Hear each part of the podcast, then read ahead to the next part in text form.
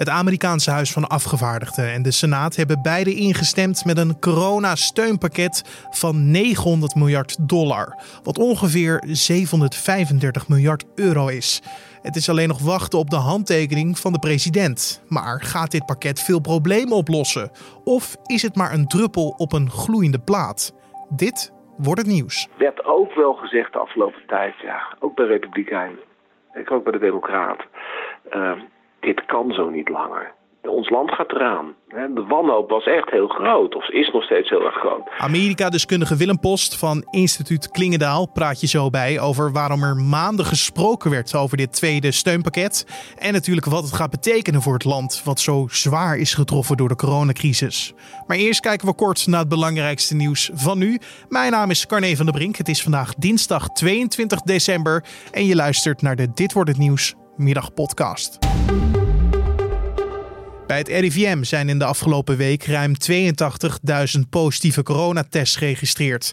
Dat zijn er 20% meer dan een week eerder. De nieuwe cijfers laten zien dat de opmars van het coronavirus nog onverminderd doorgaat. Volgens het RIVM is het nog te vroeg om de effecten van de strenge lockdown te zien. Het RIVM meldt verder dat er meer coronatests zijn afgenomen in vergelijking met de voorgaande week. Het aantal mensen dat positief is getest is ook gestegen en het aantal sterfgevallen. Reizigers vanuit het Verenigd Koninkrijk en Zuid-Afrika zijn weer welkom in Nederland na het tonen van een negatieve coronatest. Dat laat minister Stef Blok van Buitenlandse Zaken vandaag weten. Wel moeten de reizigers bij terugkeer 10 dagen in quarantaine. En wanneer dit precies ingaat, is nog onbekend. Nederland voerde inreisverboden in voor het Verenigd Koninkrijk en Zuid-Afrika vanwege een nieuwe variant van het coronavirus dat daar werd vastgesteld. Duizenden reizigers waren hierdoor gestrand. De gemuteerde variant van het coronavirus, die werd ontdekt in het Verenigd Koninkrijk, is tot dusver twee keer aangetroffen in Nederland. Beide gevallen werden gesignaleerd in Amsterdam. Een van de positief geteste inwoners zou de laatste tijd niet in het Verenigd Koninkrijk zijn geweest, zo schrijft AT5. Minister Hugo de Jonge van Volksgezondheid verwacht niet dat het virus wijd verspreid is. Hij sluit echter niet uit dat meer Nederlanders in aanraking zijn gekomen met het gemuteerde virus.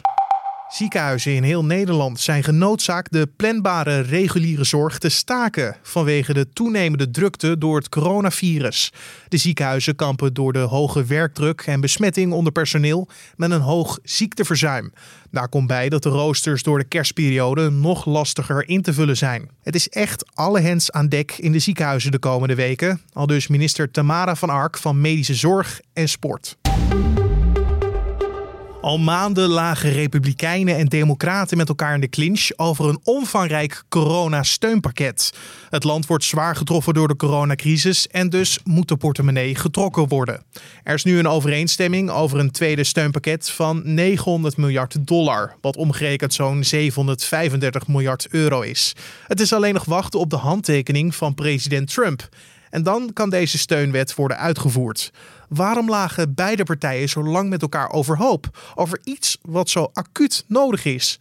Dat vraag ik aan Amerika-deskundige Willem Post. Ja, dat komt toch ook vooral omdat in verkiezingstijd, hè, voor het presidentschap, maar ook voor het congres, ja, begin november, ja, al die maanden daarvoor was, was een compromis eigenlijk onmogelijk. Hè. Al die polarisatie, aangewakkerd door de verkiezingsstrijd. Dus ja, ze weigerden water in de wijn te doen uh, voor hun kiezers. En dat is dus nu toch veranderd. En dat is best wel nieuws, dat je in Washington toch nog een compromis kunt bereiken tussen Republikeinen en Democraten. Maar het heeft toch maanden geduurd voordat ze dit uiteindelijk bereikt hebben, uh, samen dan wel. Wat waren de grootste verschillen tussen beide partijen? Nou, kijk, de Republikeinen hadden zoiets van: we hebben in maart, april, hè, bij de eerste grote uh, coronagolf, hebben we erin toegestemd hè, dat er uh, iets van, van 2200 miljard 2200 miljard in de economie gepompt uh, werd. Hè, want ja, alles donderde in elkaar. En, maar dat was natuurlijk een kolossaal bedrag. En iedere econoom toch is het wel over eens, dat heeft Amerika gered, hè, die eerste maanden. Alleen ja, die programma's die liepen af. En de afgelopen maanden ging wel de werkloosheid naar beneden. Omdat Trump ook eiste dat die economie opengegooid zou worden. Maar juist ook de laatste weken, de laatste paar maanden eigenlijk, zien we dat het toch met die economie de verkeerde kant uit gaat. En ook met het coronavirus, hè, de, tweede, de bekende tweede golf. Dus de democraten, die, nou, die, die hebben zich heel erg beijverd om weer met zo'n kolossaal steunpakket te komen. Want al die bedrijven, vooral kleine bedrijven, dreigden om te vallen. Heel veel mensen uh, die niet meer rond kunnen komen, die werkloos worden. Dus nou, de Republikeinen waren bereid in eerste instantie zo'n 500 miljard te bieden voor zo'n stimulus package, zo'n hulppakket. Ja, de Democraten zeiden, ja nee, we hebben toch wel meer dan 2000 weer nodig. 2000 miljard. Nou, dat is nogal een verschil natuurlijk. Hè? Maar Biden wilde zelfs nog meer. Maar goed, onder druk dus nu uh, van, van ja, toch een, een ellendige situatie voor vele miljoenen Amerikanen. Die, uh, ja, die gewoon geen eten en drinken meer hadden. Hè, die uh, hun banen kwijt dreigen te raken door hun bedrijven werd ook wel gezegd de afgelopen tijd, ja, ook bij Republikeinen, ik ook bij de Democraten, uh, dit kan zo niet langer. Ons land gaat eraan. De wanhoop was echt heel groot, of is nog steeds heel erg groot. Maar zijn ze het echt eens geworden over alle punten, of was het niet zo rooskleurig? Ja, de Democraten, vandaar, vandaar ook dat enorme bedrag wat ze eisten. De Democraten willen zeggen, we willen ook dat naar de staten vooral de staten met de grote steden, dat zijn dus die blauwe staten vaak, ja, die hebben natuurlijk extra geld nodig, want daar is de nood het hoogst. Nou, de Republikeinen willen dat niet. Die hebben gezegd: nee, no way. Uh, we willen best wel iets meer doen, maar niet zomaar geld naar de staten. Uh, dus wij doen wat water in de wijn, dat we niet 500 miljard bieden, maar uiteindelijk dus die 900 miljard. Dat is minder dan wat de Democraten hebben geëist. Maar ja, ook bij de Democraten drong wel het besef door. Ja, we moeten toch een aantal hele belangrijke zaken eruit slepen. En, en nou ja, wat zijn dan de hele belangrijke zaken? Um, want ook dat liep af, hè? werkloosheidsondersteuning. En nu is het toch zo dat iedere Amerikaanse uh, werkloze... die krijgt 300 dollar per week van de landelijke overheid. Dus dat is in vier weken tijd 1200 dollar tot eind januari. Dus dat is nu, dat, dat is nu in een, in een compromis bereikt. Nou ja, dat is natuurlijk toch wel iets. En, en Biden zal dan wel zeker proberen uh, iets van een nieuw pakket daaraan toe te voegen. Dus dat gaat gebeuren. En uh, ieder Amerikaans gezin, zo bijna ieder Amerikaans gezin, tot 75.000 dollar per jaar dus dat zijn toch echt wel de wat lagere inkomens, die kunnen een eenmalige cheque verwachten van 600 dollar per gezinslid. Nou, een gezin met twee kinderen, dat betekent, dat betekent 2400 dollar per maand. Nee, niet per maand, in één keer krijgen ze dat. Nou ja, dat is natuurlijk toch wel echt hulp. En bedrijfjes krijgen belastingverlaging, komen allerlei aftrekposten. Dus ik zou zo zeggen, die 900 miljard, uh, dat is niet een druppel op de gloeiende plaat. Dat is toch echt wel substantieel. Al is het niet genoeg, zeggen de Democraten. Nee, want om dat beeld goed te schetsen, hoe groot zijn de problemen op dit moment in Amerika? Ja, nou, we zien dus dat, uh, dat in Amerika die, die tweede golf natuurlijk kolossaal is. Hè? Dat uh, het aantal doden, het aantal besmettingen. En, en dat betekent ook dat het economische effecten gaat krijgen natuurlijk. Eh, en, en het geld van, van lokale overheden raakt op. Misschien moeten leraren wel ontslagen worden of, of brandweermensen. Daarom wilden ook de Democraten dat er extra geld ook direct ging naar de staten. En gouverneur Cuomo van New York, ja, die, die scheelt ook moord en brand. En die zegt, ja, jeetje, we hebben de stad New York in onze staat. Ja, ik bedoel, uh, mensen dicht op elkaar. Het loopt weer helemaal uit de hand. En Los Angeles niet te vergeten waar sommige ziekenhuizen al mensen naar sporthallen brengen. Want ja, we hebben de bedden niet meer. Dus de nood is hoog. Ze zien dat de economie in Amerika toch op de terugtocht is de laatste weken, maanden. Dus moet er een hulppakket komen. En nou ja, uiteindelijk, en dat is toch een teken van hoop, zo aan het eind van uh, dit jaar, ik zou bijna zeggen dit rampjaar 2020, uh, uh, dat Republikeinen en Democraten eh, ja, toch toch gezamenlijk nu dit hebben bereikt. Want vergis je niet, 92 van de 100 senatoren, republikeinen en democraten, hebben afgelopen nacht voor dit voorstel gestemd. Nou, dat is natuurlijk bijna unaniem. Hè? Nou, kom daar eens om in Washington. En dan zie je dus wel dat, uh, nou ja, na die verkiezingstijd die nu achter de rug is en door de nood gedreven, ja, toch een aantal, ik zou bijna zeggen, democraten en republikeinen uh, elkaar in de armen vallen. Ja. Want alleen uh, president Trump hoeft dan alleen nog zijn handtekening eronder te zetten. Dan kan het worden uitgevoerd. Ziet hij dat dan gelijk ook als een overwinning, wat er nu bereikt is? Ja, dat is toch een beetje bizar. Hè?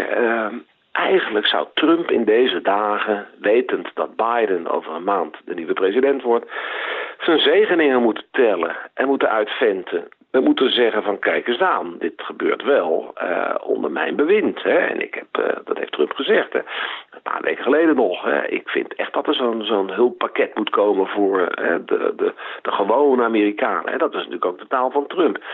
Maar wat we zien is eigenlijk een oorverdovende stilte op dit punt.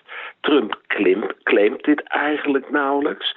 Wat hij ook niet echt claimt, dat zijn de vaccins. Hè, twee vaccins in Amerika, die naar duizenden plaatsen in Amerika, prikplaatsen, uh, worden uitgerold met van die grote Amerikaanse vrachtwagens, hè, die trucks. Je zou verwachten dat, dat Trump in de eerste vrachtwagen zit voorin, met de camera's erbij en zeggen: kijk.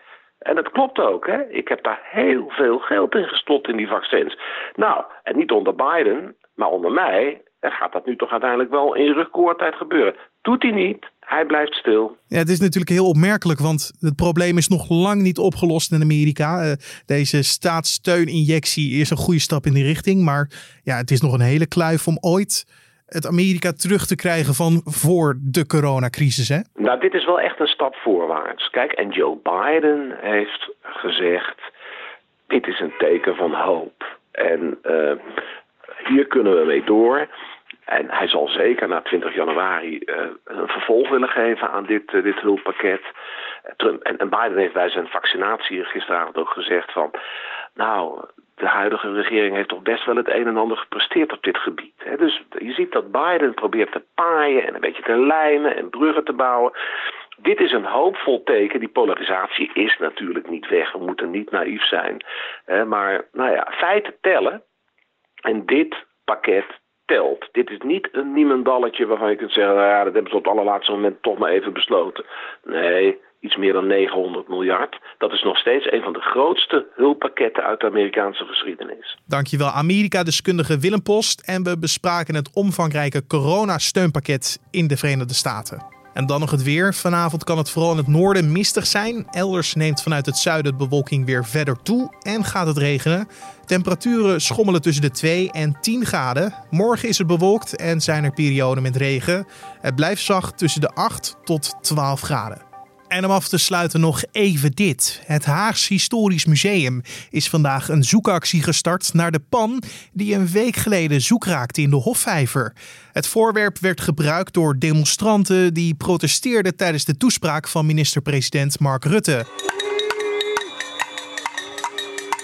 Het museum in Den Haag wil de pan toevoegen aan de collectie en tonen in een expositie over het coronavirus. De brandweer werd ingeschakeld vandaag voor de zoekactie, maar kon de pan niet vinden in het water. Waarschijnlijk is het voorwerp door de demonstrant zelf al uit het water gehaald. Het museum doet alsnog een oproep aan de huidige eigenaar van de pan en vraagt of diegene het voorwerp aan hen wil geven. En tot zover de Dit wordt het nieuws podcast voor deze dinsdagmiddag 22 december. Je vindt ons in de ochtend of in de middag op de voorpagina van nu.nl en natuurlijk in je favoriete podcast app zoals een Spotify, Google Podcast of Apple Podcast. Vergeet je niet te abonneren, zo mis je geen aflevering en je kan ook gewoon een recensie achterlaten bij Apple Podcast. Mijn naam is Carne van der Brink. Ik wens je een hele mooie dag en hopelijk luister je de volgende keer ook weer. Tot dan.